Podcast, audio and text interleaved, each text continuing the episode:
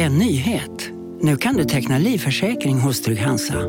Den ger dina nära ersättning som kan användas på det sätt som hjälper bäst. En försäkring för dig och till de som älskar dig. Läs mer och teckna på trygghansa.se. Trygg Hansa. Trygghet för livet. Hej, Synoptik här. Så här års är det extra viktigt att du skyddar dina ögon mot solens skadliga strålar. Därför får du just nu 50% på ett par solglasögon i din styrka när du köper glasögon hos oss på Synoptik. Boka tid och läs mer på synoptik.se. Välkommen! Hej och välkomna till podcasten Billgren Wood. Jag heter Elsa Billgren. Och jag heter Sofia Wood. Idag ska vi prata om ett trendfenomen som har varit väldigt starkt under hela vår uppväxt. Nämligen fenomenet it girls. Vilka är det? Hur blir man det? Och vad är egentligen villkoren för kvinnligt kändisskap? Välkomna!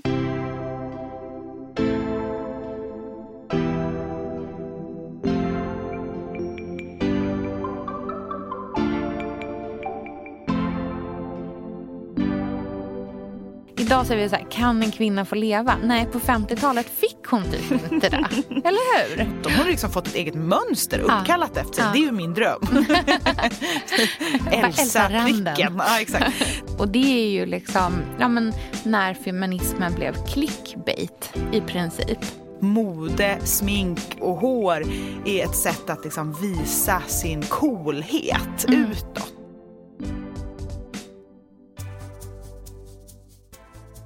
En it-girl, eh, eh om man ska liksom prata om begreppet i större term liksom generellt eh, så är väl det någonstans här, kvinnorna som genom tiderna eh, har inspirerat och till stor del varit en symbol för sin tid och de idealen som har funnits under liksom, den här kvinnans eh, kändisskap. Och och eh, vad som har varit viktigt i samhället. Att de har liksom varit så personifieringen av det till stor del. Och någonting annat som vi också ska prata om i det här avsnittet som jag tycker är väldigt intressant, liksom annan del av det här. Det är också så här, den andra sidan av it-girlskapet. Vad det historiskt sett har varit. Att det här har ju då varit liksom men det ultimata kuttersmycket, de här kvinnorna till stor del. Eh, det har varit eh, den här tysta, undersköna kvinnan som har porträtterats av andra men sällan porträtterat sig själv. Och Det här är väldigt intressant att prata om just nu för nu är vi inne i ett så paradigmskifte där eh, vi kvinnor till stor del har eh, börjat publicera oss själva. Det är vi som håller i kameran nu. Vi är inte liksom betraktade längre. Utan vi är den som betraktar till stor del. Eh, och därför är det här väldigt eh, intressant att prata om 2018. Är du med mig på hur Absolut, jag tänker? Men, och jag tänker även att en annan aspekt som är intressant är hur it girls används mm. av företag för mm. att sälja produkter. Och det är ju också det är ju gammalt men på något sätt så är det liksom starkare än någonsin. Och det tycker ja. jag också är väldigt intressant. Mm, där har vi kommit långt i den liksom, eh, tankegången tycker jag i, i, i, dagsläget. Att man är väldigt öppen kring den problematiseringen. Men begreppet it girls det är ju liksom ett 20-talsbegrepp mm. från början. Precis. Så första gången det liksom dyker upp så är det faktiskt en 20-talsfilm med en eh, filmstjärna som heter Clara Bow som är med i en film som heter It eh, som handlar just om it-girl-skapet. Att hon, hon har it. Det här eh, je ne sais quoi, det som inte går att sätta fingret på med någonting utöver det vanliga. Liksom. Mm. Men så här retrospektivt så kanske man har några andra namn som man vill Verkligen. plocka fram och som mm. har satt sin liksom, tydliga prägel. Och haft en egen stil. För det mm. tycker jag är en väldigt viktig del av liksom it-girl-skapet. Mm. Att man har en tydlig egen stil. Eh, kanske inte den äkta stilen som man liksom har privat. Men någonting som man verkligen visar upp mm. och som är och lite nyskapande. Ja, men mm. verkligen. Mm. Så om vi pratar 20-tal, om vi ska börja där då. Mm. Eh, vad, vad tänker du på för tjejer som it-girls här? Alltså för mig, jag går direkt till eh, Josephine Baker. Den här dansösen som eh, många säkert känner igen. Eh, det är hon som dansar naken med en banankjol på scen och hon är topless. Mm. Eh, hon har kort hår och hon är en svart kvinna också. Eh, och hon var ju otroligt liksom banbrytande. Och jag tror att hennes it-girlskap egentligen är större idag än vad det var då. För då var hon nog en väldigt kontroversiell figur. Just för att hon, hon utmanade liksom det konservativa väldigt jättemycket. Men 20-talet var ju också väldigt mycket en utmaning eh, av det konservativa. Gud ja, alltså här slänger man ju korsetten för första gången. Ja. Och det är som ett, ett världskrig har precis pågått. Mm. Så det är ju en liksom, viktig tid, modernismen, det händer så himla mycket. Och ja. Det är ju en tydlig så här, kvinnlig frigörelse. Det är ju fortfarande otroligt snävt mm. utrymme för kvinnor. Mm. Eh, men det händer ju jätte jättemycket här. Ja, det finns en kaxighet i 20-talskvinnan tycker jag. Under 20-talet så var det ju också, liksom, det här är ju också så här, verkligen liksom moralismens eh, högborg den här tiden. Eh, och bland annat så var det ju under 20-talet som alkohol till exempel eh, var förbjudet i USA och så. Och det här är en så himla intressant grej. Jag pratade med en smyckespecialist på mitt jobb som var, kom upp eh, springande. Hon var helt så här, vet, blossig om kinden. Hon var så otroligt peppad på någonting som hon skulle berätta. Och så, jag vet att hon också är väldigt intresserad av 20-talet. Och sen så säger hon till mig så här, vet du varför, eh, varför det heter cocktailring? Vet du det? Cocktailring? Ja, cocktailring och hur det hänger ihop med 20-talet. Nej. Jo, så här var det. De här flapperkvinnorna, de här liksom jättetrendiga 20-talskvinnorna. Eh, de var ju just den här väldigt kaxiga kvinnan, precis som Josephine Baker. Eh, och eh, alkohol, eller sprit, var ju förbjudet. Eh, och eh, anledningen till att man hade de här, alltså att det heter cocktailring då, är för att eh, de här kvinnorna bar otroligt stora i ögonfallande ringar för att dra blicken till att här står jag och håller i en drink. Här dricker jag det här som är mm. förbjudet av polisen. Så jag förstår liksom så här kaxigheten i de här kvinnorna. Så det är därför det heter cocktailring. Ja, det finns så himla mycket anekdoter om 20-talet och framförallt så här flap flapperskläder. Mm. Som, man pratar ju om uttrycket flapper brukar man ju säga kommer från att de inte knöt skorna. Mm. Utan att man hade plösen lös. Ja. Så när de dansade sin charleston så liksom ja. flappala flappala flapp lät det så när man dansade. Älskar. Och alla de liksom, uttrycken hos ja. flapperkvinnor mm. handlar ju om att här, ha kul, glittra, ta mycket plats, mm. eh, vara moderna mm. eh, med det här korta tajta håret som mm. tidigare varit superfluffigt och mm. stora hattar. Kvinnligt. Skulle man ha en liten hatt och sådana saker. Och det är också nu det är den första Miss America. Så att vi börjar även se en så här tydlig utifrån blick på kvinnor mm. och deras skönhet. Mm. Och liksom it-faktorn kommer. Mm. Så det är ju verkligen en så här banbrytande tid. Och här börjar ju sen eh, filmstjärnor ploppa upp och det kommer kvinnor som man kan liksom inspireras av modemässigt. Mm. Och mode, smink och hår är ett sätt att liksom visa sin coolhet mm. utåt och mm. visa särskilja sig från något där man tidigare bara har velat ställa sig i raden och liksom knappt fått gå ut killar skulle hänga på gatorna, kvinnor ja. skulle hänga i hemmen. Ja. Men nu så liksom börjar en tid för it-girls att inspirera och mm. sälja saker med hur man ser ut. Mm. Alltså så individen som heller inte har en, eh, en kunglig koppling till exempel som tidigare då har varit så här, det kvinnliga eh, kändisskapet har ju nästan alltid då varit att man liksom född in i en, i en, i en ja, egentligen en kunglig kontext av något slag. Men här är det precis som du säger att liksom, här blir, det öppnar upp för andra människor också. Ja. Och tänker man framåt i så här, eh, 30 och 40-tal, där det är ju verkligen eh, årtal av de här ikoniska... Ja, filmstjärnor. Mm. Och jag tänker direkt på Greta Garbo ja. som ofta porträtterades i så här mäktig profil, mm. cigarettförlängare, hatt, mm. kostym. Precis som Marlene Dietrich som också mm. är 30-tal. Den här, eh, också med hennes eh, fantastiska mörka röst. Mm. Den här tyska eh, Gud, brytningen. Ja. Älskar. Och inspirerade och liksom verkligen tog ett steg utifrån den vardagliga tristessen mm. som man hade hemma. Så kunde man liksom bläddra i de här tidningarna och se de här it-girlsen och bli mm. lite få följa med in till en mer glamorös värld. Mm. Och det fortsätter även på 40-talet. Jag tänker så Ingrid Bergman, mm. Rita Hayworth som jag även gått som på en maskerad en gång. Ja, när jag var rödhårig. Ja. Jag hade inte så stor fantasi. Jag bara lite, lite så här målade ögonbryn och så lagda lockar. Så mm, de där lockarna, alltså Rita Hayworth. Om någon är sugen på hårinspo så oh. är det dit man ska gå. Rita alltså. Hayworth, en av de mest alltså, vackra. Och också de här eh, långa höga byxorna. Mm. Med, alltså, byxor överhuvudtaget på mm. filmstjärnor. De här paparazzi-bilderna när filmstjärnorna är på semester eller någonting och står mm. där bredvid någon bil och är lite casual. Det här inspireras jag av otroligt mycket även idag. Mm. Jag bär ju inte byxor men jag blir ju sjukt sugen när jag ser de här så snygga skjortor instoppat i eh, coola, liksom, välstrukna byxor med ett skinnskärp och så perfekta lockar och eh, väldigt så här, mycket mycket smink. Ja. För det är ju en grej man verkligen kan säga om it-girls när vi pratar tidigt 1900-tal. Att även om det är så tuffa, ofta manliga attribut mm. modemässigt. För det har ju en tendens att vara så eh, med it-girls. Att det mm. liksom finns lite så maskulina drag i utseendet. Mm. Så är det ofta en så väldigt starkt sminkad, det är väldigt så kvinnligt kodat egentligen. Det ska mm. liksom, man, man får inte vara för manlig. Nej, Butch. Precis. Man måste man... ändå vara väldigt feminin. Ja. Men gärna med liksom coola kläder. Mm. Sen finns det ju såklart liksom, eh, så starka personer som bryter eh, ur det här också. Jag tänker till exempel på, eh, som bara slog mig nu när du sa det här med de höga byxorna. Jag tänker på Amelia Earhart. Earhart, är det så man uttalar det? Eh, den här kvinnliga piloten.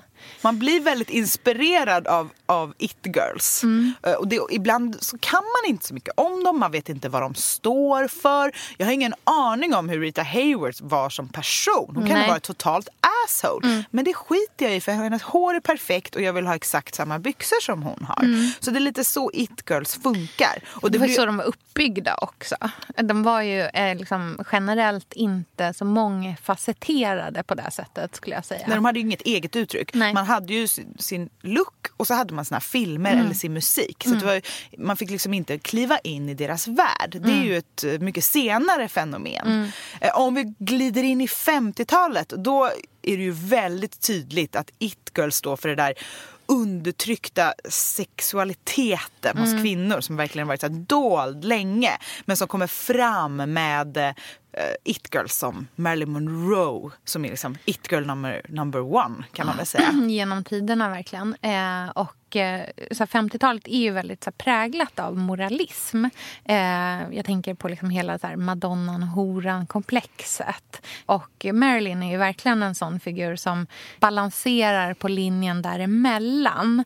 Eh, ändå lite liksom en så här bad girl-vibe kring henne skulle jag säga. Just för att Gud, hon är ja. så sexig. Ja, hon var ju liksom the blonde bombshell. Mm. Och om vi glider in mot 60-talet så var det ju så här, team Jackie Kennedy mm. eller team eh, Marilyn Monroe. Som mm. blonda, stökiga eller den städade brunetten. Mm. Och det är lite så kvinnor har porträtterats. Att man mm. liksom blir ett med sin look. Eh, det är ganska svårt att veta hur Marilyn Monroe egentligen mådde mm. och levde och tänkte. Så inte så bra, eller hur? Nej. Men hennes look utstrålar en sånt otroligt mm. självförtroende. Fast inte för mycket. För som kvinna får man inte ha för mycket självförtroende. Man måste liksom ändå eh, ha lite fnurr på tråden så att mm. säga för att funka. Idag är Marilyn Monroe väldigt inspirerande och fortfarande en it-girl. Jag tänker på alla bilder på henne när hon sitter och läser. Mm. Alltså det, är så, det är så vackert och det är så mm. inspirerande. Mm. Ehm, hon är verkligen en tydlig eh, symbol för sin tid. Den här optimismen och den här nya tiden för kvinnor. Mm. Cigarettbyxor, skjortor, superblonderat hår. Mm. Eh, och så är hon ju expert på att posera. Vilket ja. gör att det är väldigt lätt att fota henne. Mm. Vilket gör att hon sprids så otroligt mycket i medierna. Mm. Och verkligen blir den där it-girlen som mm. alltid är redo för att synas på bild. Mm. Men jag tror att så här, bilden av henne idag är väldigt annorlunda från bilden av henne då. Och vad vi tycker är fascinerande med henne idag är annorlunda för vad man tyckte var fascinerande med henne då.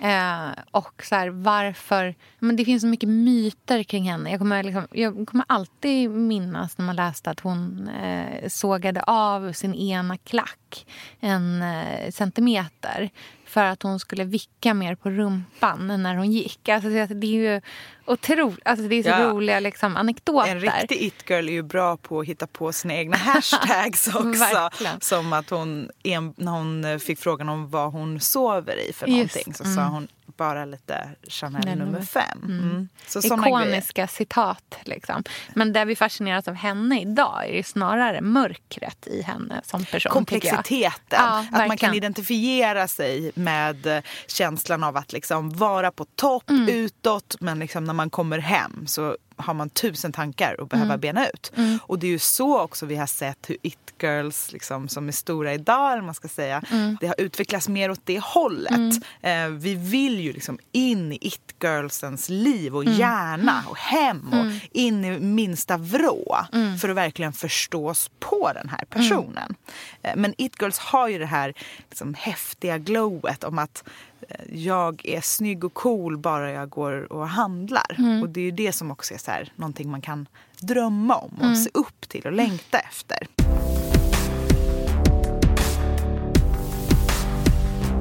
Jag tänker mycket på Grace Kelly också eh, och vad hon symboliserar.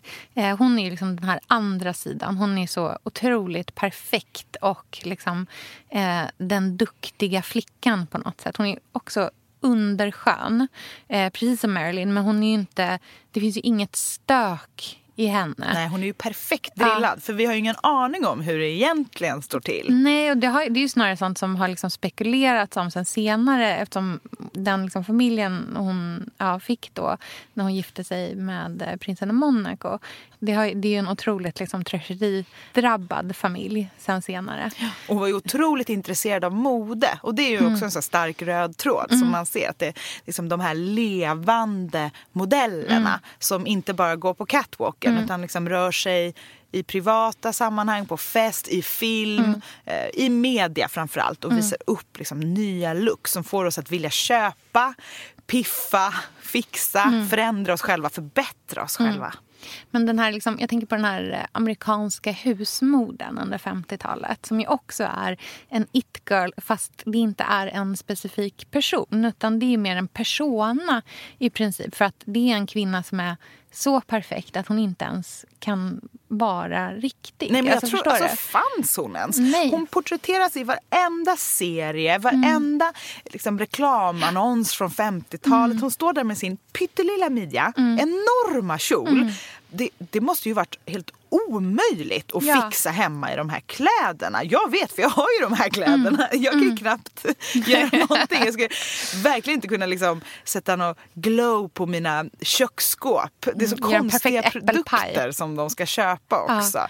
Så här, saker som gör liksom köket mer glänsande ja. och putsa upp av olika vax. Och, ja, helt det är otroligt. inte en lätt person att vara och leva i. Liksom. Man måste också tänka på 50-talskvinnans liksom, möjligheter i eh, livet och i karriären och så här, det, det, lilla, lilla utrymme man hade för så här, personlig eh, utveckling eller här, sitt personliga mående egentligen.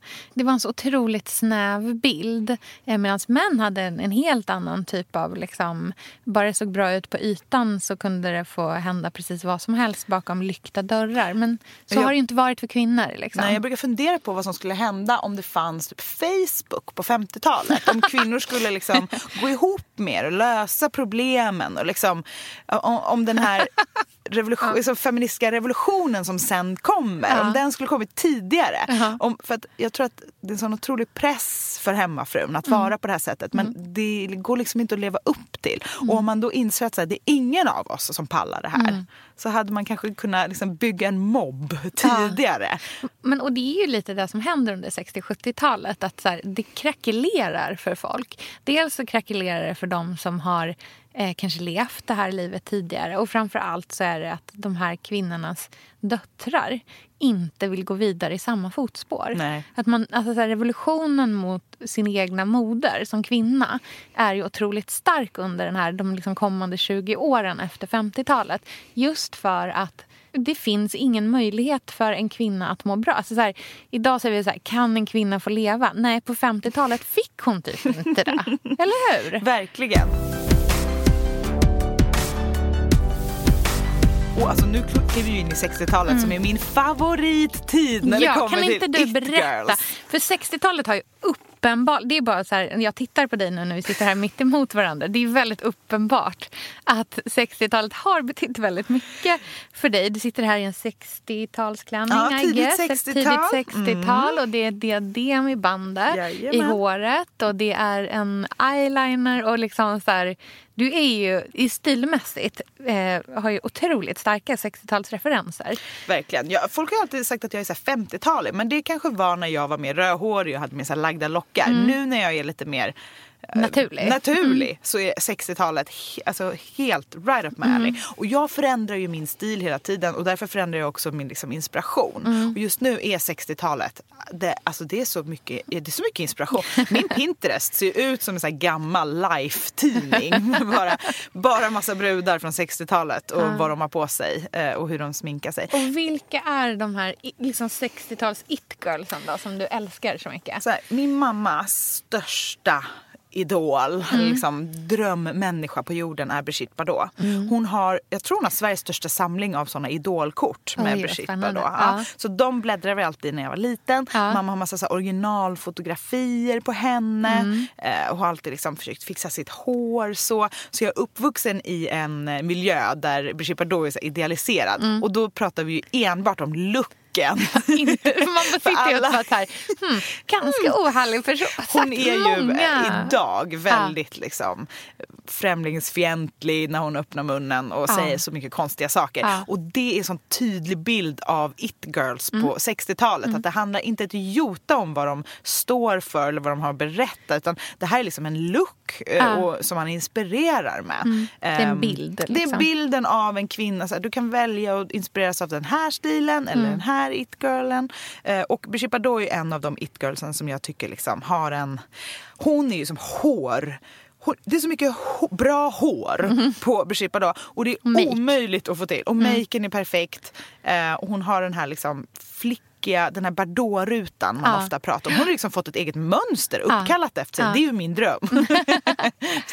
Elsa-pricken. Ja, exakt. Nej men Bardot-rutan är ju väldigt liten och gärna med en pastell. Mm. Och det är ju, skulle jag designa en klänning någon gång så skulle det vara en pytte, pytte, pytte liten härligt grön ja. Bardot-ruta. Eh, 60-talsringning, liksom ganska rak båtringning fast lite djup, gärna med liksom fyrkantig kant. Trekvartsärm. Hör ni det här alla modeföretagen? Mm, ja, hon pitchar ju in att hon ska få göra Stor kjol, smal midja. Ja. Så himla fint ja, så tycker jag. Mm. Väldigt så Bardotig mm. look. Mm. Det som är grejen med Bardot och hennes hår som hon ju är mest känd mm. för det är att det går liksom inte att få till. Ingen människa kan någonsin se ut så där i håret. Men hade hon verkligen en fralla i håret? Ja, hon måste haft, inte haft en riktig fralla, men hon måste ju haft så himla mycket löshår. Ja. Så mycket, alltså otroliga mängder löshår. Ja. Och liksom peruker och alltså mycket mm. sånt. Men det är ju det som är liksom hela fascinationen. Att man vill, man vill upp i den volymen. men skulle man göra den volymen på sig själv skulle man nog känna sig rätt utklädd. Ja. Och det är också en del av it-girl-fenomenet. Mm. Att man kan glömma bort sig själv för en stund och mm. bara titta på den här inspirerande personen. Och så drar man lite inspiration. För jag tror att väldigt få människor kan liksom göra en full Brigitte Bardot-frisyr och mm. liksom känna sig bekväma. Men man vill dra lite inspiration. Mm. Så att, absolut Brigitte Bardot. Men just nu är jag helt inne på Jane Birkin. Mm.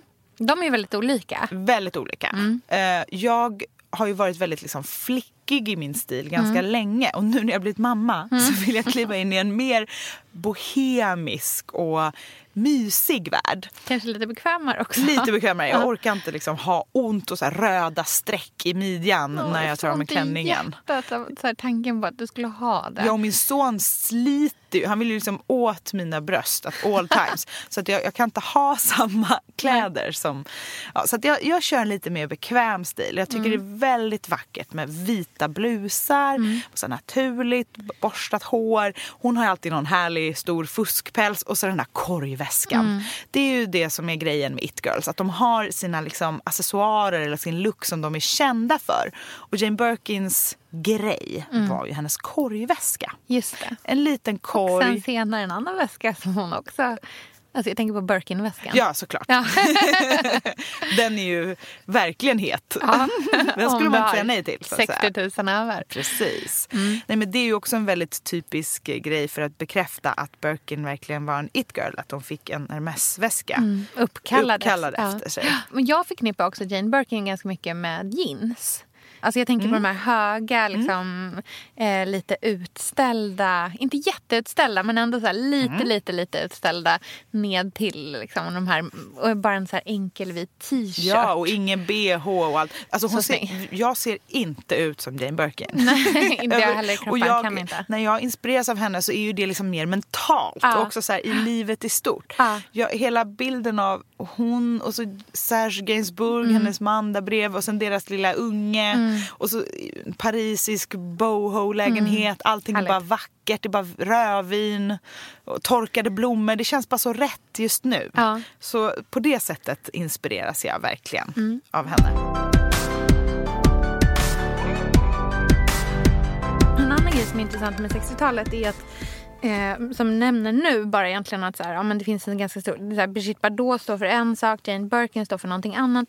Och det är ju lite så här, typiskt av, för 60-talet att det finns en ganska stor variation på vilken typ av kvinnor som liksom blir de här it-girlsen. Om man tänker liksom 20, 30, 40 40, även till viss del 50-tal så är det ju liksom väldigt mycket en stil. De här mm. kvinnorna har liksom, det finns en väldigt så tydlig röd tråd mm. bland dem.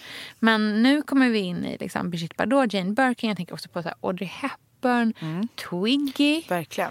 Men det är ju en otroligt stark liksom, vithetsnorm och alla Absolut. är pinsmala. Mm. Så att det finns ju en bredd inom det. Det är liksom, är du den vita smala tjejen som ja. är lite preppy Ja. Eller är du den vita smala tjejen som är lite boho? Ja. Så det är ju liksom inom det spektrat. Eh, om man kollar på idag när vi har en, ett liksom mycket större spektra. Mm. Eh, men vi börjar ju verkligen eh, vilja hitta hitta personliga stilar mm. hos kända tjejer och liksom mm. följa dem och inspireras av mm. dem.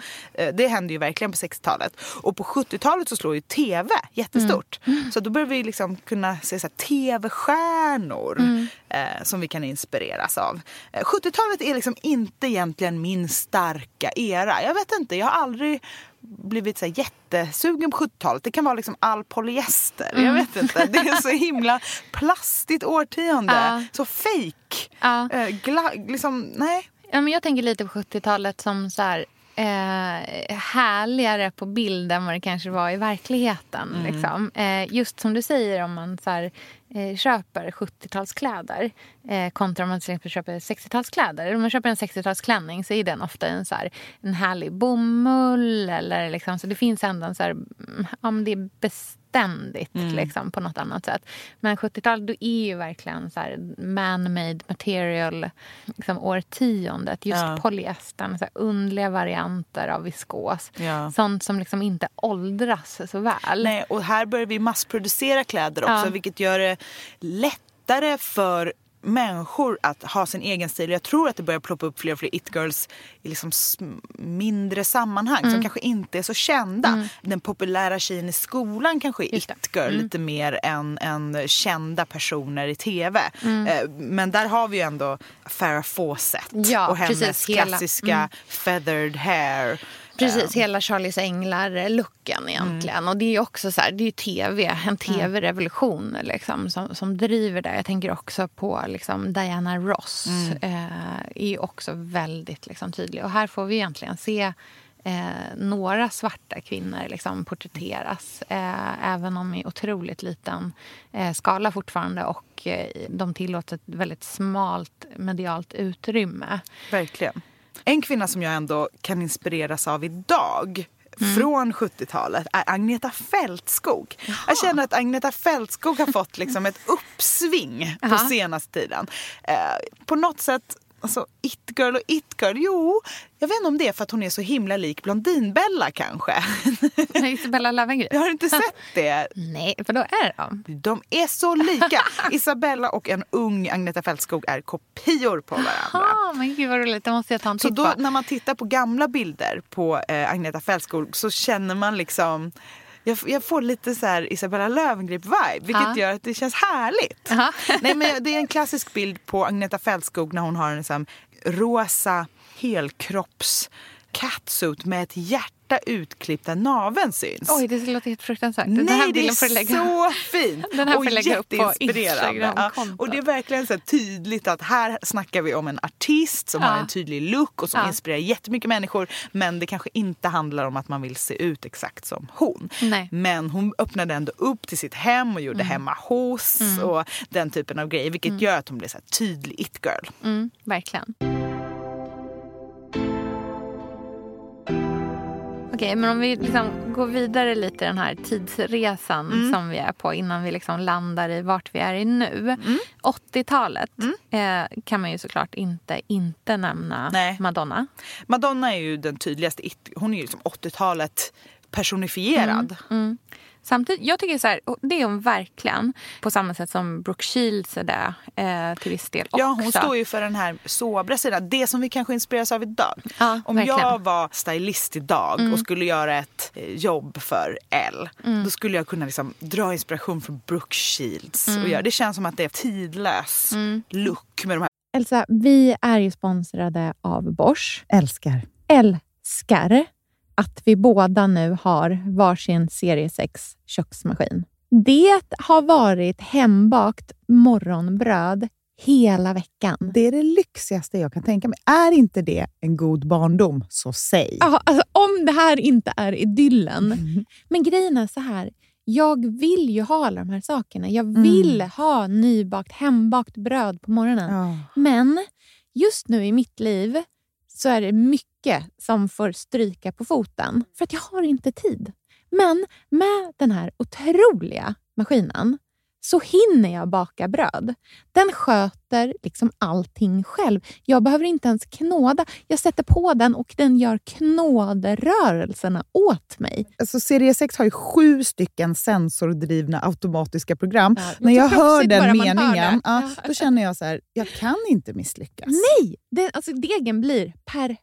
Mm. Det är som att jag har lagt ner jättemycket tid och energi på det här brödet när det jag har gjort är att hälla saker i en skål och trycka på en knapp. Underbart. Mm. Nej, men man bakar ju som ett proffs och jag tycker om att baka enkla grejer och de ja. blir ännu enklare med Bosch serie 6. Alltså jag har ju haft Bosch i mitt liv ganska länge, mm. och speciellt på landet. Så för mig är det förknippat med att det blir gott, det är mysigt mm. och det är tryggt för det blir riktigt bra varje gång. Man väger ju också sakerna direkt i skålen, så det blir mm. inte tusen olika saker som måste diskas och som är krångliga. Det är verkligen sänka ribban. Men Bosch har ju tänkt ut vad vi skulle kunna misslyckas ja. med och eliminerat de faktorerna så att det blir bra varje gång. Och Man kan ju också prova hemma i 100 dagar mm. med fri returrätt. Och ja. Så att Bosch vill ju verkligen att vi ska vara nöjda med produkten. Det är väldigt bra att man kan få testa på hemma. Ja man kan vara Verkligen. extra säker på att det funkar. Mm. In och läs mer om Bosch köksmaskin serie 6 och köp den hos Power. Mm, tack Bosch. Tack.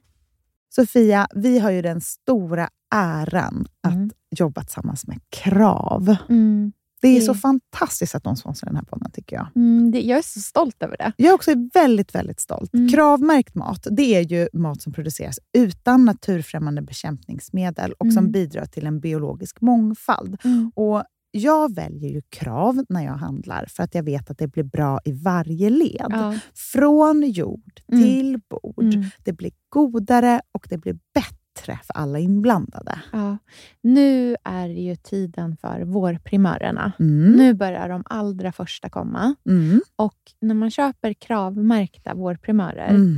då är det som att man får smaka på våren så som den ska smaka på riktigt. Oh, den första kravmärkta svenska sparrisen. Ah. Det är en högtidsstund. Det är det. Och sparris som är kravmärkt, man ser det på primören. Den är grönare, den är knotigare, mm. den har karaktär. Mm. Den är så god att mm. äta rå. Mm. Det behövs inte mycket mer än Nej. lite smör och flingsalt och så har man en förrätt. Vet du vad jag gjorde faktiskt på kravmärkt svensk sparris? Eh, blancherade i kanske 30 sekunder. Mm la sen rakt ner i ett isbad. Mm. Skivade jätte, jättetunna skivor på med kravmärkt olivolja, mm. flingsalt och ett kravmärkt pocherat ägg. Och tänkte verkligen, ja, allting på den här tallriken mm. är kravmärkt. Mm. Allting smakar otroligt.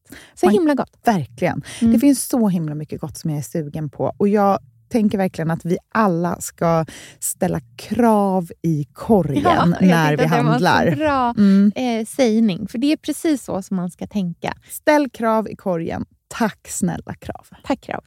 Sofia, den här veckan har vi ett jättefint och viktigt samarbete med Plan International, mm. en av världens största och äldsta barnrättsorganisationer med verksamheter i över 80 länder. Och nu tänkte jag att jag ska berätta för alla, för dig och för alla som lyssnar här om eh, Asiato som är 15 år gammal och kommer från Sierra Leone. Den här berättelsen visar också hur vi kan göra skillnad för flickor faktiskt. För trots mm. sin unga ålder så har Asiato redan upplevt väldigt mycket smärta. Hon har blivit utsatt för våldtäkter under hela sin barndom. Och eh, hon berättar att hon inte vågade säga någonting om de här övergreppen till någon. Och att hon därför inte hade någon runt sig som märkte något förrän hon blev gravid. 13 år gammal. Man är så liten mm. när man är 13. Mm. Kan du tänka... Alltså jag, nej, jag, det är svårt att mm. tänka sig att ett barn ska bli barn, mamma vid, i den mm. åldern. Men tack vare Plan International så har hon fått stöd och bearbeta allt det här fruktansvärda som hon har varit med om under så många år av hela sin barndom. Och nu mm. så är hon mer hoppfull inför framtiden igen. Ja, barn ska inte föda barn. Och vill du vara med och kämpa för att flickor som Asiato ska få en barndom fri från våld och sexuella övergrepp, bli flickafadder för 125 kronor i månaden hos Plan International på flickafadder.se. Eller om du hellre vill ge en engångsgåva så kan du swisha till nummer 900 14 70. Eh, alltså 900 900 14 70. Tack Plan International.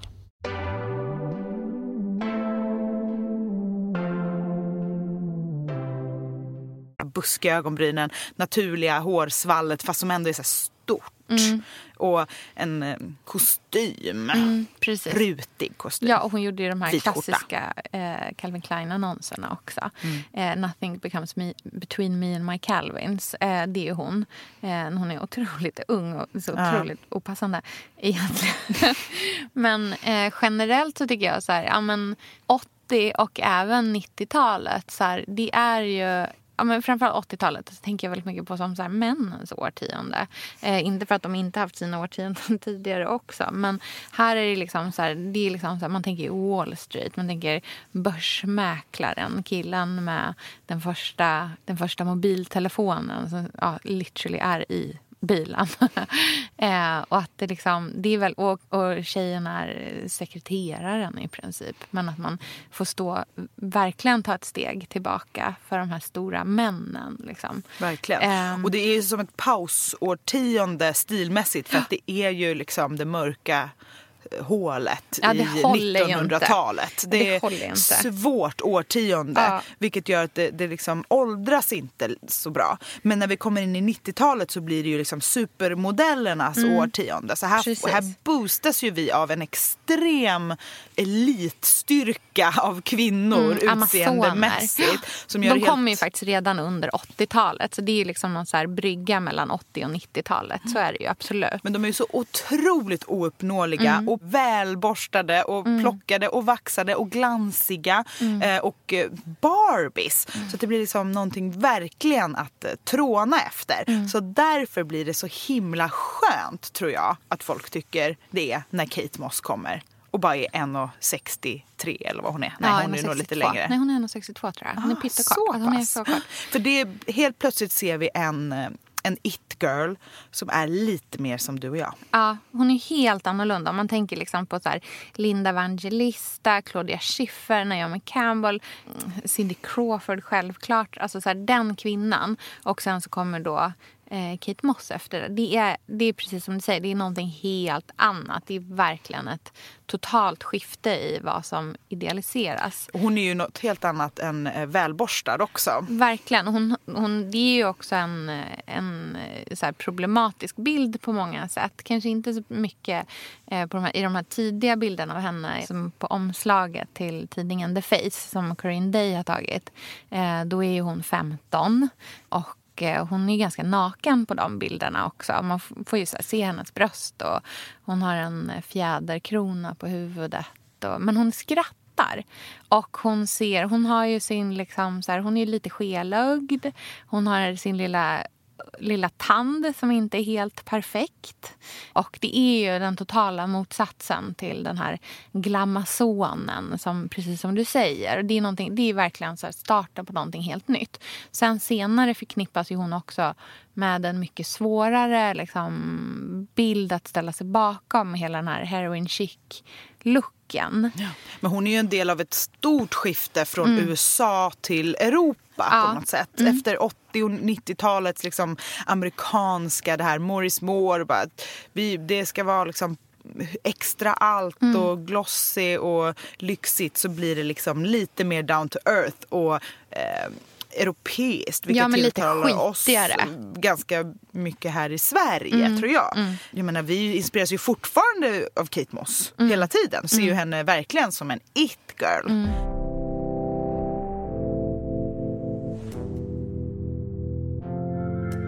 Ja, och sen så ska man väl inte glömma liksom 90-talets liksom, musikrevolution med tjejbanden. Och där är ju Spice Girls självklart Precis. det liksom viktiga att nämna. Spice Girls är ju otroligt mycket it-girls. Ja. Eh, och just så plural. Mm. Att det var girl power och mm. tillsammans. Mm. Helt plötsligt var det liksom inte bara en tjej utan flera mm. eh, ihop. Och det kommer mm. jag ihåg som en så big deal. Mm. Och att de ehm. alla hade liksom sin persona men att de ändå var ihop. Jag tänker så här, om man tänker tillbaka till The Supremes till exempel. Ja, jo, där finns det en person som sticker ut och onekligen liksom så huvudpersonen. Men de har fortfarande väldigt mycket samma stil. Eh, Spice Girls är ju liksom så här baby, posh, sporty, eh, scary. Alla är ju liksom en egen person. Ja, och de är ju också en väldigt tydlig produkt och mm. börjar också sälja saker. Mm. Eh, trycka girl power på muggar. Mm. Och eh, här börjar vi se liksom en kommersialisering av it girls på mm. ett sätt som man kanske inte hade sett på samma sätt tidigare. Visst, man kan ju liksom köpa Claudia Schiffers träningsvideo. Mm. Eh, men att själva liksom it-faktorn mm. går att paketera och sälja eh, börjar verkligen hända här. Och det lever vi fortfarande i idag väldigt mycket. Liksom. Men här kommer ändå så en lite stökigare brud tycker jag. Mm. Eh, ja, alltså 00-talet ja. var ju mm. riktigt stökigt. Mm. Vad hände? det var ju väldigt mycket droger, mycket mm. efterfester, väldigt mycket närgångna paparazzi-fotografer, mm. mycket liksom foton in och ut ur taxibilar. Eh, Lindsay Lohan, Paris Hilton. Mm. Eh, Gud, ja. It-girlsen här var ju liksom stökiga festbrudar. Och precis som på liksom 50-talet, att det handlade om att ha en fot utanför normen, mm. eh, så var ju det här som ett liksom kliv mm. utanför ett stort normen. kliv utanför. Eh, mm. men i och med det så blev det ju också som någon form av eh, kapprustning mm. mellan it-girlsen. Att liksom vara den stökigaste, ha den sexigaste musikvideon. Tänker på kampen mellan Britney och Christina. Mm. Eh, att det verkligen var så här, vem kan ha på sig minst? Vem mm. kan eh, uttrycka mest? Eh, självständig koll på sin sexualitet och sitt uttryck. Ja, men um, så här, hur många bilder har vi inte sett på så här, eh, jätte jättefull Lindsay Lohan som går ut ur en bil och inte har några trosor på sig. Eh, och, och, så liksom säger Paris Hilton något syrligt om det och nästa vecka är det hon som fångas på mm. samma bild. Och det är ju ganska långt bort från de här fotona i profil på Greta Garbo med Otroligt. en cigarettförlängare. Ja, ehm, verkligen. så det har ju hänt någonting med It-girlsen. Mm. Ja men det är liksom mean girls-eran. Och eh, jag tänker att det hänger väldigt mycket ihop med att så här, kändisskap demokratiseras ju väldigt tydligt under 00-talet. I och med till exempel reality-tv. Eh, så här, vill du ha så här, dina 15 minuter av fame, då är det bara att skaffa dem. Så här, det, det, är görbart. Du behöver inte ha så mycket hjälp av någon annan. Eh, bara du är villig att chocka det skapar ju en underlig tidsanda. Och om eh, 90-talet var liksom London och eh, Europa eh, så är det här LA, 100 procent. Mm. Och sen så skulle jag nog ändå säga att vi åker tillbaka till London lite mm. när vi kommer till kanske den moderna tidens tydligaste it-girl. Mm. För att uttrycket it-girl har kanske legat lite lågt ett tag. Mm. Eh, men kommer igen starkt när vi ser bilder på Alexa Chung. Ja, verkligen. I eh, tidningen. Ja.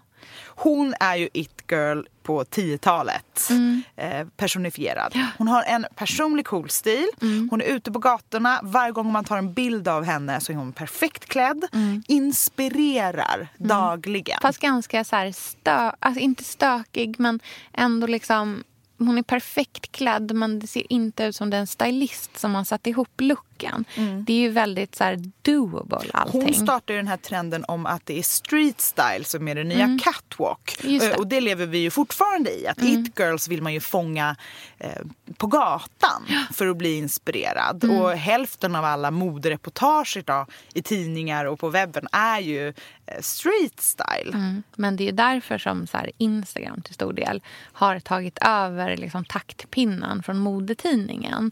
För att vi är inte så intresserade av det stageade jobbet utan vi vill ju se liksom, inom stora citationstecken verkligheten. Mm. Och det är den vi eftersträvar på Instagram. Ja, vi vill se vad it-girls gör, mm. inte bara på jobbet utan vad de har på sig jämt. Ja, precis.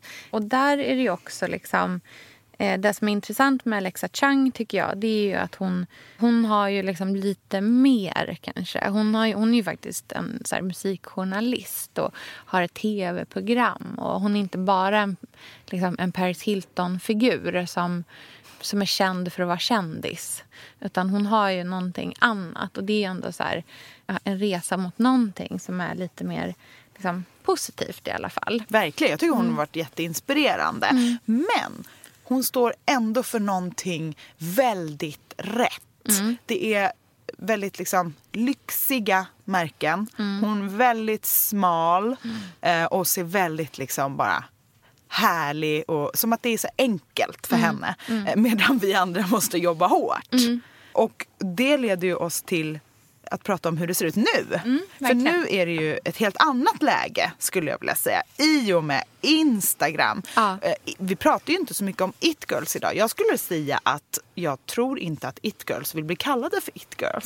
det låter man... inte lika coolt. Nej, nu är den officiella benämningen influencer. Ja, och influencers vill inte bli kallade för influencers heller. Nej. Och, men om man tänker då på så här, så här, vi pratar bakom deras rygg nu, den europeiska influensen som ju känns som att den är väldigt eh, liksom, du jour idag. Ja, det är ju den europeiska influensen som är dagens it-girl. Ja, jag tänker på jättemycket på min favorit eh, Jean Damas. Eh, fransyskan som vi har det här fantastiska klädmärket Rouge också.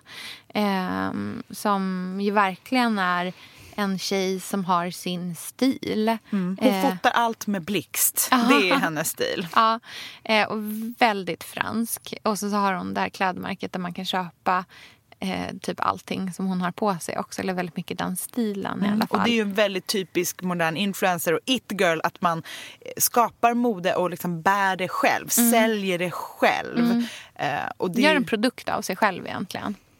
Pernille Theisbeck ja, absolut. är ju jättetydlig it-girl idag. Ja. Som personifierar det här skandinaviska, chica, avslappnade, coola och också färgstarka som ja. verkligen börjar bli eh, hippt. Mm. Eh, I Sverige har vi ju så Linn Eklund, min mm. bloggkollega som också klär sig sådär lager på lager från Ganni mm. som är en väldigt så modern it-girl-stil. Mm. Sneakers och fuskpäls, mm. blingiga örhängen och gympakläder. Mm. Den looken. Det är väldigt likt till exempel så här Camille Charrier eller någon sån eh, eh, tjej. Hon är ju fransk men bor i London. Eh, och har ju också precis den där väldigt liksom, avslappnade sidan. Eh, men så finns ju också den andra sidan av eh, superinfluensen idag. Om vi liksom så går, flyttar över Atlanten eh, så är det ju liksom en helt annan look i USA skulle jag säga än den, den här europeiska eh, trenden. Och det, då kan man ju inte tänka på annat än så här, Kardashians, eh, systrarna Hadid. Eh, den typen av liksom... Det är på många sätt motsatsen, skulle jag säga. Störst på Instagram idag är väl Selena Gomez. Ja, hur många egentligen. följare har Selena Gomez? 133 miljoner kanske? Herregud. Det är det sjukaste. Och det som är den stora skillnaden på dagens it-girls och dåtidens it-girls är att även om Selena Gomez har 133 miljoner, 133 miljoner följare så kan man ändå skicka henne ett DM och typ mm. fråga, fråga fråga, prata med henne. Eh, och man har lite i alla fall en känsla av att man har koll på henne. Till skillnad från eh, Catherine Hepburn Hepburn mm. eller någon annan eh, it-girl från då. som, som var helt onåbar. Mm.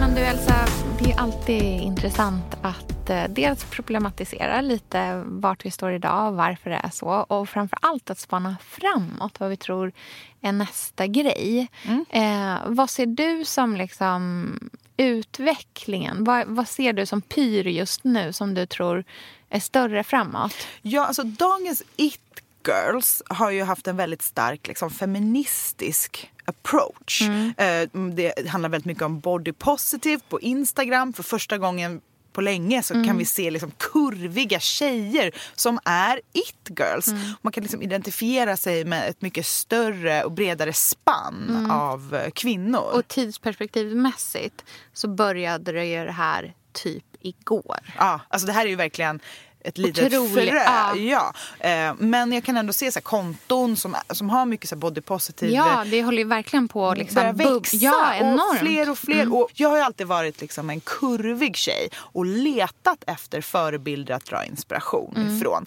Alla de som jag har tyckt varit liksom vackra med spännande stil där jag vill få reda på mer och inspireras har varit så väldigt smala kvinnor.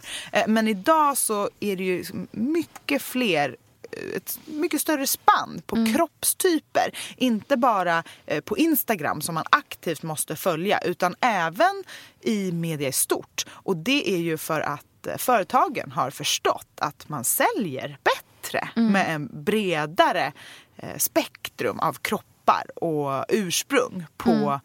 både modeller, liksom de som syns i reklamer och sådana saker. Och så fort företagen börjar förstå att någonting säljer bättre så mm. blir det liksom också lätt kommersialiserat. Mm, verkligen. Det finns ju en ganska så stark kritik eh, mot det idag inom vissa eh, grupper framför allt. Eh, där man just vänder sig mot så här, den här kommersialiseringen av feminismens budskap. Att eh, man som företag kan köpa sig ur eh, ett så ganska sunkigt förhållningssätt till att porträttera kvinnor genom att göra en t-shirt som det står så här, hashtag girlboss på. Och det är ju liksom ja, men när feminismen blev clickbait i princip. Och det är ju väldigt mycket just nu. Ja. Jag tycker man ser stora kommersiella medier som verkligen eh, driver den typen av så här, journalistik men som inte alls är underbyggd Nej, på kommer... riktigt. Utan det är bara det är saker man pratar om för att det är trendigt, för att sälja fler nummer, för att sälja en till tröja.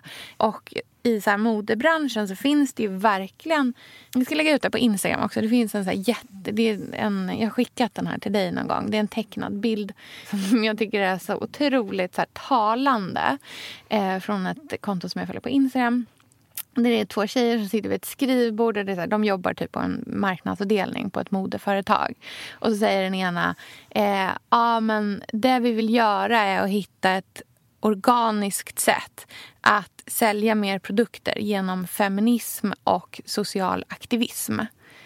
Och det är, så, det, är så tal, det är mörkt, men det är så talande. För det går inte så himla mycket djupare än så för de flesta. Sen finns det absolut så goda exempel. Jag tänker på Hope.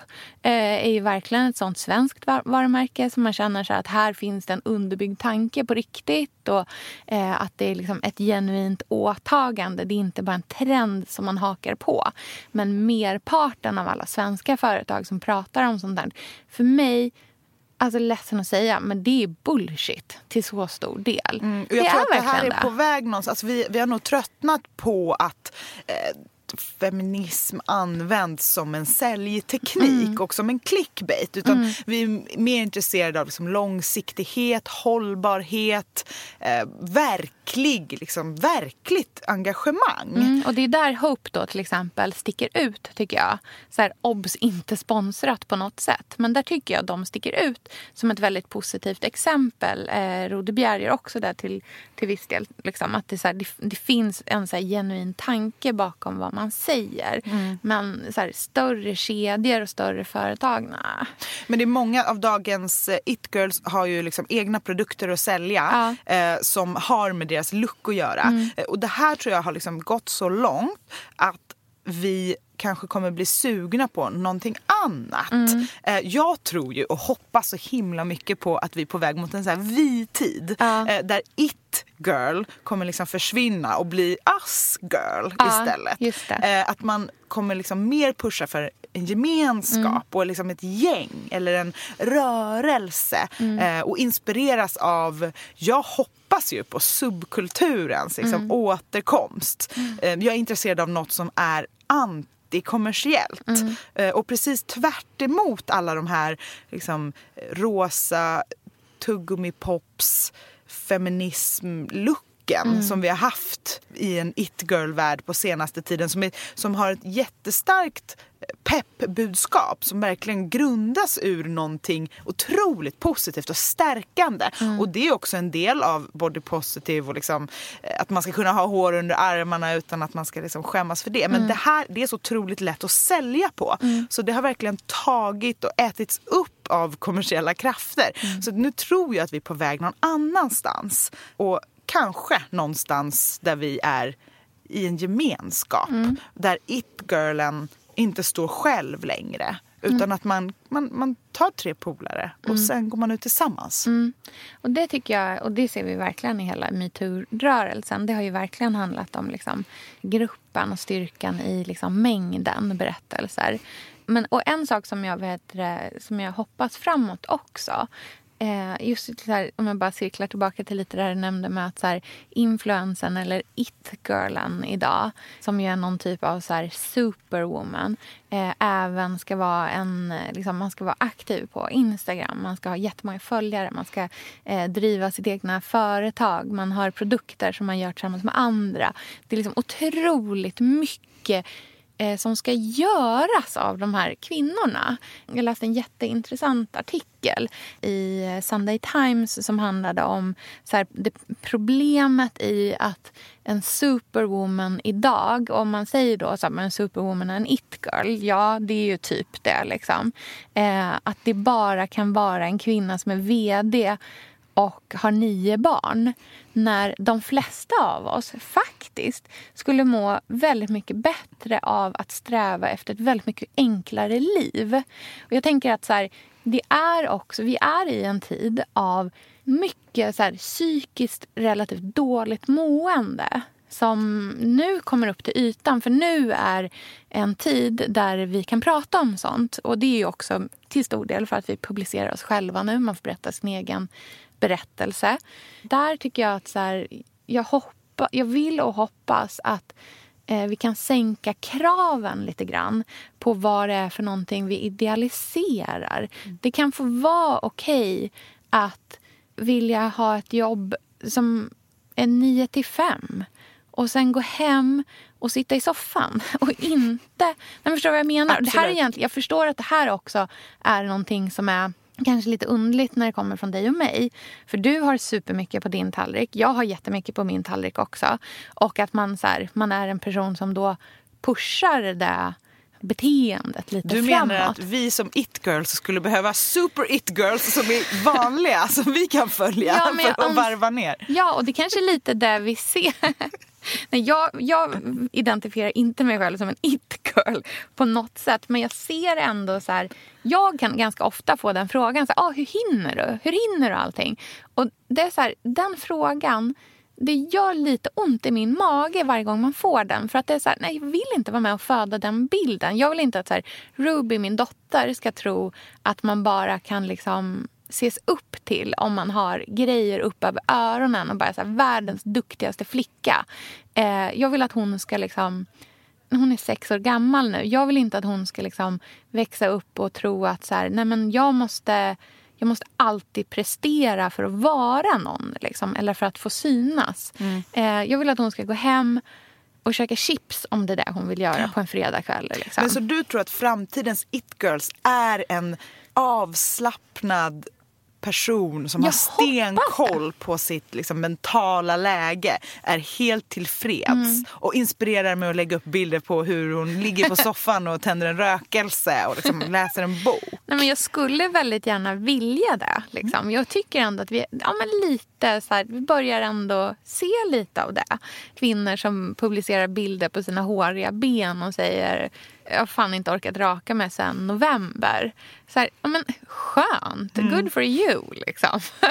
och det är väldigt, ja men det är väldigt, det är fortfarande väldigt eh, eh, radikalt. Jag och de kvinnorna får ta emot väldigt mycket hat.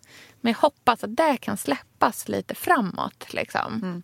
Jag tror ju på att vi kommer hitta it-girls som inte är eh, liksom, kända kvinnor som lever. Ja. Jag tror att vi kanske kommer hitta it girls utanför den mediala bilden och utanför våra scroll mm. i telefonen. Mm. Kanske en gammal konstnär som inspirerar ja. eller liksom någon gammal person utanför den här mm. it-girl-världen som mm. vi kan liksom välja och ta som inspiration och mm. följa. Just för på det. något sätt så mm. blir vi inte hetsade då eh, till att köpa den personens produkter. För den personen har redan levt, den har redan skapat sin historia. Men att man kan välja en kulturhistorisk individ mm. ja, och gå på den som mm. inspiration. Mm. Det känner jag mig väldigt mm. sugen på i alla fall. Mm. Ja men jo absolut, det, det, kan jag verkligen hålla med om. Och det ser vi liksom frö till nu i så här, den här ja, men den geniförklarade kvinnan som it-girl snarare än den undersköna kvinnan som it-girl. Eh, och att man så här, hyllas för sin gärning. Exempel på det liksom, som vi verkligen känns i, i, i dagens läge det är ju så här, Hilma Klint till exempel. Alltså konstnären. Att, så här, att vi börjar så här, prata om den typen av kvinnor som, som ja, men någon som får, ta, får väldigt mycket medial plats. Gud liksom. vad jag skulle vilja följa Hilma av Klint på Instagram. Alltså. Eh, och även en Instagram med liksom fem coola brudar som tillsammans ja. skapar liksom en it, men ett it-flöde. Är det girls du pratar om nu? Ja, det kanske är girls. Ja, girls eller typ skam. Eller, ja, alltså, så här, förstår du vad jag menar? Ja. Mm. För att jag tänker ju så här, det här har ju du och jag pratat om tidigare. Att så här, om man skulle göra Sex and the City idag så hade ju inte Carrie varit huvudpersonen. Utan det hade ju varit Miranda. Mm. För att det är den som är relatable, som mm. känns mest facetterad, som är mest liksom, intressant som person som har olika delar i sitt liv. Som är mest vanlig egentligen. Och det är ju liksom, ja, Sex and City är till stor del en, en förlaga till, till Girls. Mm. Eh, och eh, även om Skam var någonting helt annorlunda så, så handlar det också om liksom Förstår du vad jag menar? Att man Gud, är inne på hela Tjejerna den. i Skam är ju definitivt moderna it-girls. Ja, det är de som är liksom men protagonisterna, det är de som man är mest intresserad av. Det är de som, är liksom, ja, men som, som driver eh, historien på ett helt annat sätt. Liksom. Ja, vilket otroligt eh, intressant eh, ämne att prata om. Ja, Elsa. man skulle kunna sitta i timmar. Ja, jag hoppas att ni verkligen så fick igenom den här röda tråden i vad vi pratar om. För vi är ju verkligen i en revolution just nu. Eh, både liksom som kvinnor som stort men också så här, vilken typ av kvinnor är vi idealiserar. Vem är it-girlen nu? Eh, och eh, det finns en bild som jag tycker är så otroligt så här, talande. Eh, och det är ett eh, konstverk av en konstnär som heter Cecilia Edefalk som eh, kommer från Norrköping. Bara där hör vi att det är bra som på väg att berättas. Eh, nej, men det finns en bild som hon har tagit som heter Självporträtt med pistol från 1993. Eh, vi sålde den här på mitt jobb för ett halvår sedan ungefär. Jag kommer ihåg att jag stod framför den och verkligen var så, här, så otroligt fascinerad av liksom, berättelsen i den här, eh, i den här bilden. Eh, det är ett svartvitt självporträtt där eh, Cecilia står med en, vad som antagligen är liksom en laddad pistol. Och eh, hon riktar den mot dig, betraktaren. Eh, så det är hon som har makten här i bilden. Eh, och i sin andra hand så håller hon eh, utlösaren till kameran. Så det är hon som liksom så här, hon både publicerar sig själv, det är hon, som, hon äger berättelsen. Eh, så himla starkt. Det är så mycket power i den mm. bilden. Och för mig är den så otroligt liksom den väcker så himla mycket i mig. Eh, och eh, är väldigt representativ för idag. Mm. För den, liksom, den andra kvinnan som får visa sin egna berättelse. Och jag tänker på liksom, hela body positive-rörelsen som du känner en stor så här, resonans i. Eh, jag också för den delen. Och just så här, den vanliga kvinnan som får ta plats. Och kvinnorna, systerskapet. Mm. För det är ju någonting otroligt mäktigt i att vi kan berätta vår egen historia. Mm. Uh, It Girls idag även om man inte vill bli kallad it-girls eller kallar sig it-girl mm. så har man liksom makten över vad man utstrålar och vad man sänder ut för mm. energi och för pepp och för mm. inspiration.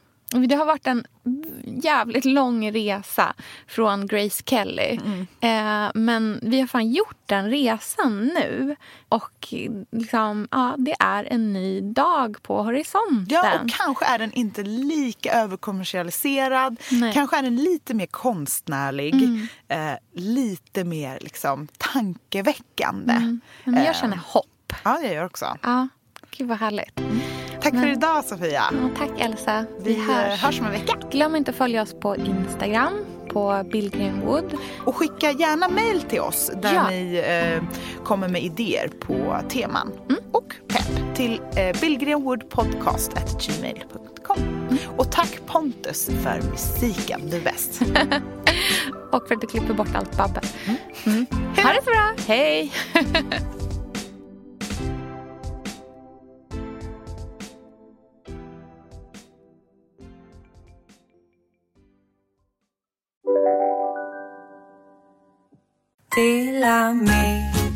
Hej! Är du en av dem som tycker om att dela saker med andra? Då kommer dina öron att gilla det här. Hos Telenor kan man dela mobilabonnemang. Ju fler ni är, desto billigare blir det. Skaffa Telenor familj med upp till sju extra användare. Välkommen till någon av Telenors butiker eller telenor.se. Hej, Synoptik här. Så här års är det extra viktigt att du skyddar dina ögon mot solens skadliga strålar. Därför får du just nu 50% på ett par solglasögon i din styrka när du köper glasögon hos oss på Synoptik. Boka tid och läs mer på synoptik.se. Välkommen! Hej, Synoptik här. Visste du att solens UV-strålar kan vara skadliga och åldra dina ögon i förtid? Kom in till oss så hjälper vi dig att hitta rätt solglasögon som skyddar dina ögon. Välkommen till Synoptik.